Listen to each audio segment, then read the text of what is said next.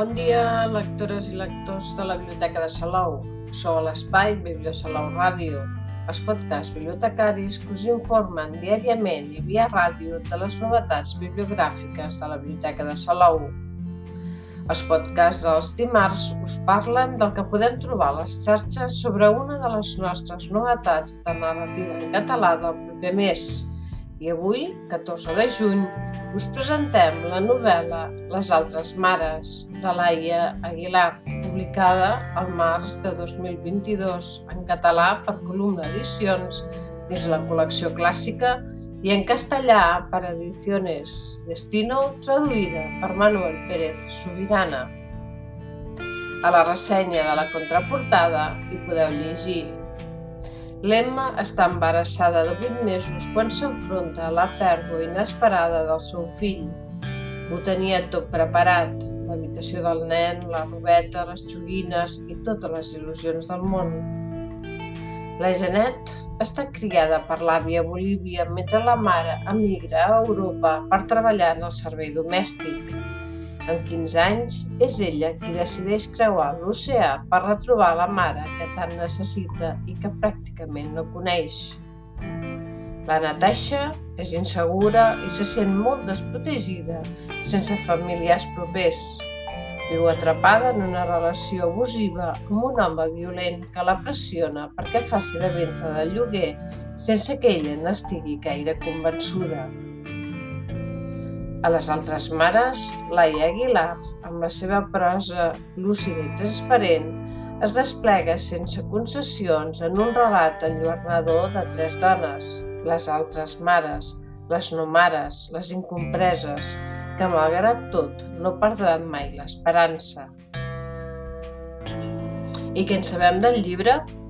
Es tracta d'un relat compost per tres relats, protagonitzats per tres dones que viuen una maternitat no reconeguda per la societat, que encara que elles en algun moment senten que són mares, no se les acompanya ni se les reconeix com a tal per diverses circumstàncies, com les que viuen l'Emma, la Genet i la Natalka.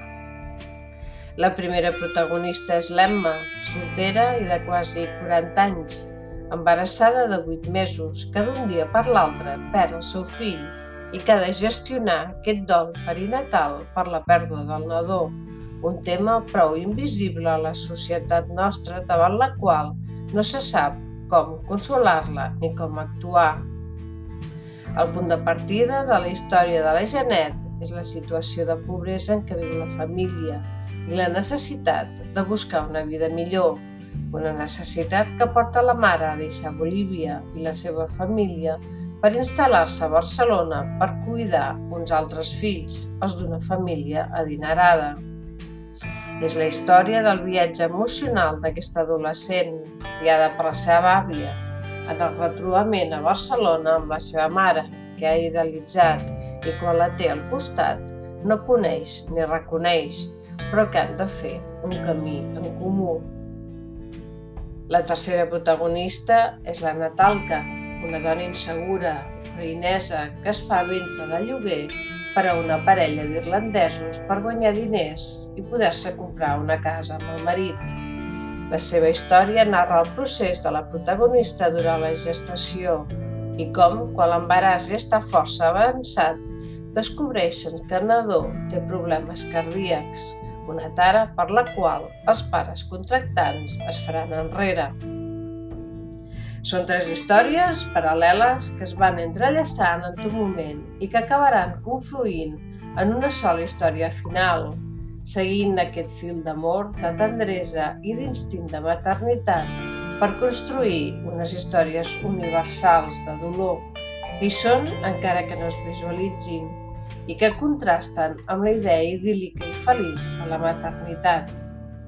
Són històries dures, difícils, emocionants també, alguna més polèmica que d'altra, com la qüestió de la gestació subrogada, que fan pensar i reflexionar sobre les desigualtats econòmiques fruit de la pobresa i el poder, i de com el lloc on un neix determina sovint com vivim aquesta maternitat.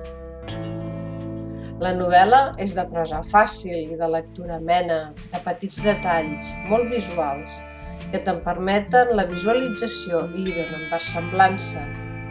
Està escrit en primera persona, des del sentiment i l'experiència que van vivir les protagonistes, l'Emma i la Natalca, i en tercera persona, la Janet, encara que llegim què pensa i com viu i sent les situacions en què es troba.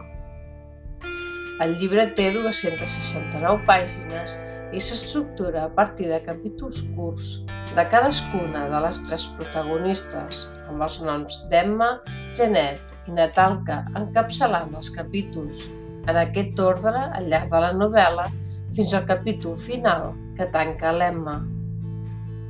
I què en sabem de l'autora? Laia Aguilar Seriol va néixer a Barcelona el 1976 i és llicenciada en Comunicació Audiovisual. Combina l'escriptura de llibres amb l'escriptura de guions. Ha treballat en el món de la televisió i ha participat en sèries tan emblemàtiques com Vent del Pla, El cor de la ciutat, Infidels, Olor de Colònia i Merlí, entre d'altres. Col·labora al diari El Punt Avui fent articles sobre literatura i el diari Ara, el suplement d'Ara Criatures, on parla de temes relacionats amb el món del llibre infantil i juvenil. A més, és professora d'escriptura creativa a l'Escola d'Escriptura de l'Ateneu Barcelonès. Va publicar la seva primera novel·la, Les bruixes de Viladrau, el 2009 i no torna a publicar una novel·la fins al 2014, en Pare de família busca, la seva segona novel·la. Després va publicar Wolfgang, Wolfgang Extraordinari, una novel·la juvenil protagonitzada per un nen d'11 anys, Wolfgang, amb un alt coeficient intel·lectual, al qual li agrada fer llistes de coses impossibles, conèixer com es podria viatjar a Neptú i pensar que algun dia es convertirà en un gran pianista, entre d'altres accions. Novel·la que va guanyar el Premi Carlemany 2016 i el Premi Atrapa Llibres 2018. Wolfgang, El secret del pare, de 2019, és la continuació d'aquella primera novel·la i Juno, Premi Protagonista Jove 2020, és la seva segona novel·la juvenil, que fa d'altaveu de la solitud i la desesperança dels menors tutelats, explicant la vida d'una adolescent desemparada i enrabiada. El 2020 va guanyar el Premi Josep Pla amb la novel·la per adults Pluja d'Estels, que relata el retrobament d'un grup d'amics un cap de setmana al Cap de Creus, anys després d'un incident tràgic novel·les aquestes que podeu trobar a la nostra biblioteca, tant les d'adult com les juvenils, com també les podeu trobar al catàleg del Sistema de Lectura Pública de Catalunya i en digital a lebiblio.cat.